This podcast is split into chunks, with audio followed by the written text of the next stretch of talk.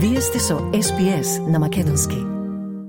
Изјавата на лидерот на БЕСА Билјал Касами што ја даде предвадена дека ќе даде поддршка за уставни измени само ако има предвремени избори и дека ќе организира протести за да ја постигне оваа цел, ја вознемири целата влада.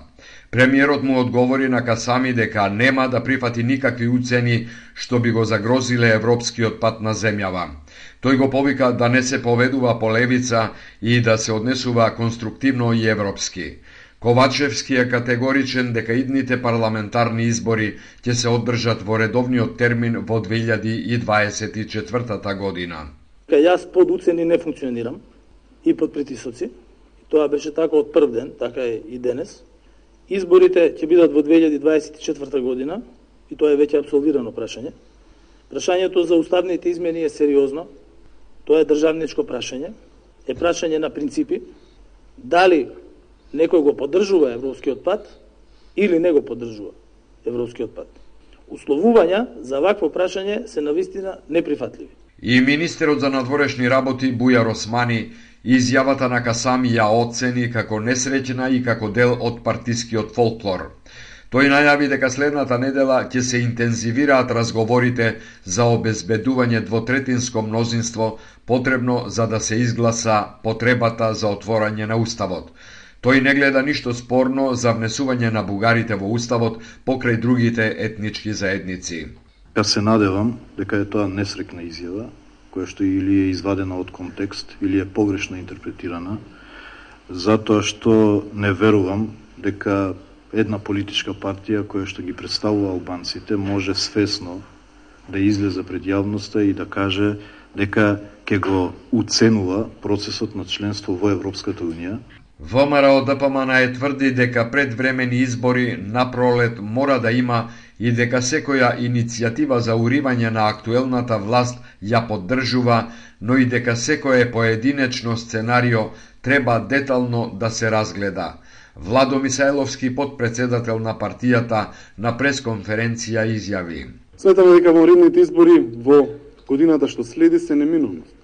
Затоа што состојбите се вармантни и ќе имаме уште подраматични состојби. Имавме заглавена, имаме и се уште заглавена земја во корупција, криминал, и економска криза, држава без преговори во ЕУ и со бројни условувања истите да почнат. Најдобро ќе биде Ковачевски сам да се повлече и да не ја загрозува дополнително државата. Наместо да слугува на Дуи, добро е да почне да служи на народот. Медиумите синоќа пренесоа дека Касами цврсто стои зад својот став и дека коментарите на премиерот за него се манипулација со која тој, како што вели, се обидува да ја прикрие својата неспособност и легитимност да ја предводи владата.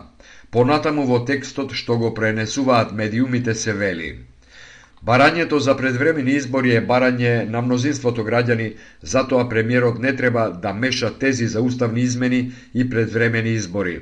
Кога зборуваме за уставните измени, движењето Беса уште еднаш го потврдува својот став дека бара од уставот да се отстрани терминот 20 на 100 и да се замени со терминот албански јазик.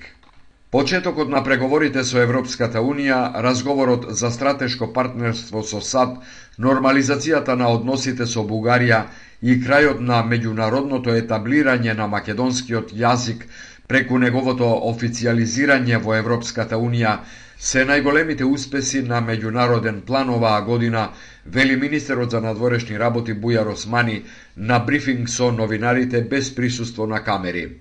На почетокот на следната година, Османи очекува интензивирање на преговорите за почеток на уставните измени, бидејќи за ниту една партија тој процес не е спорен, рекол Османи.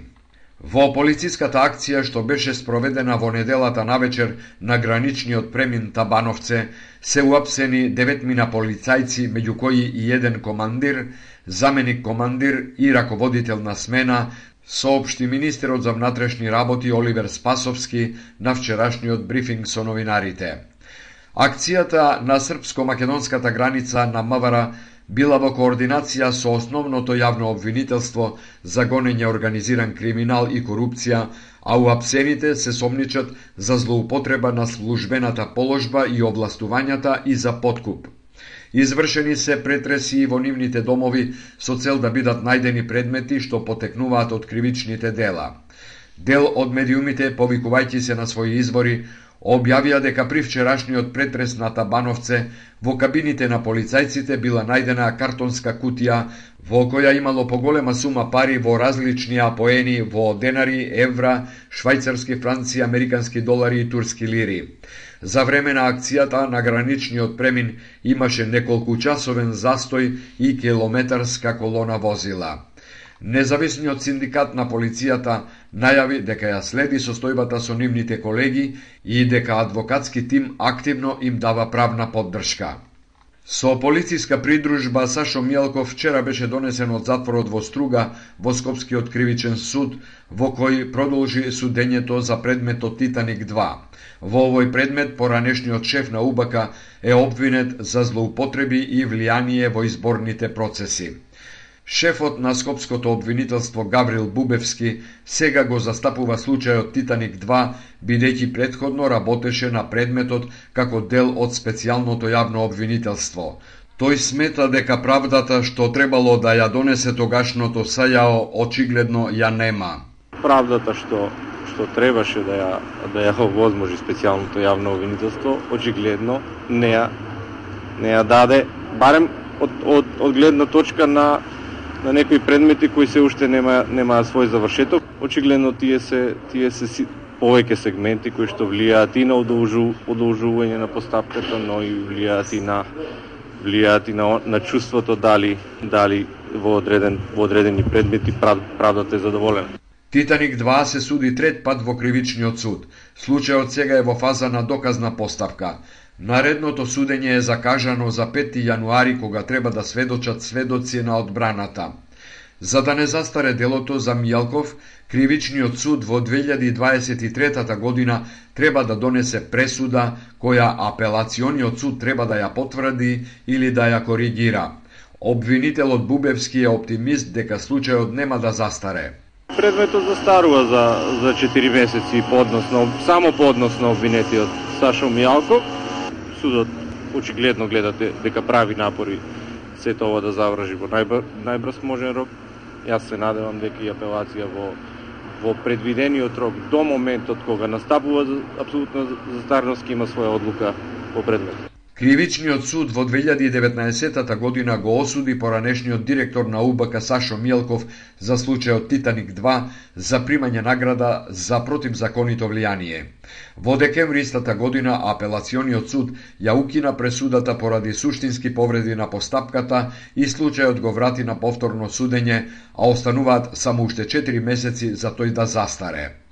Но случајот Титаник 2 не е единствениот во кој е обвинет Мијалков што може да застаре.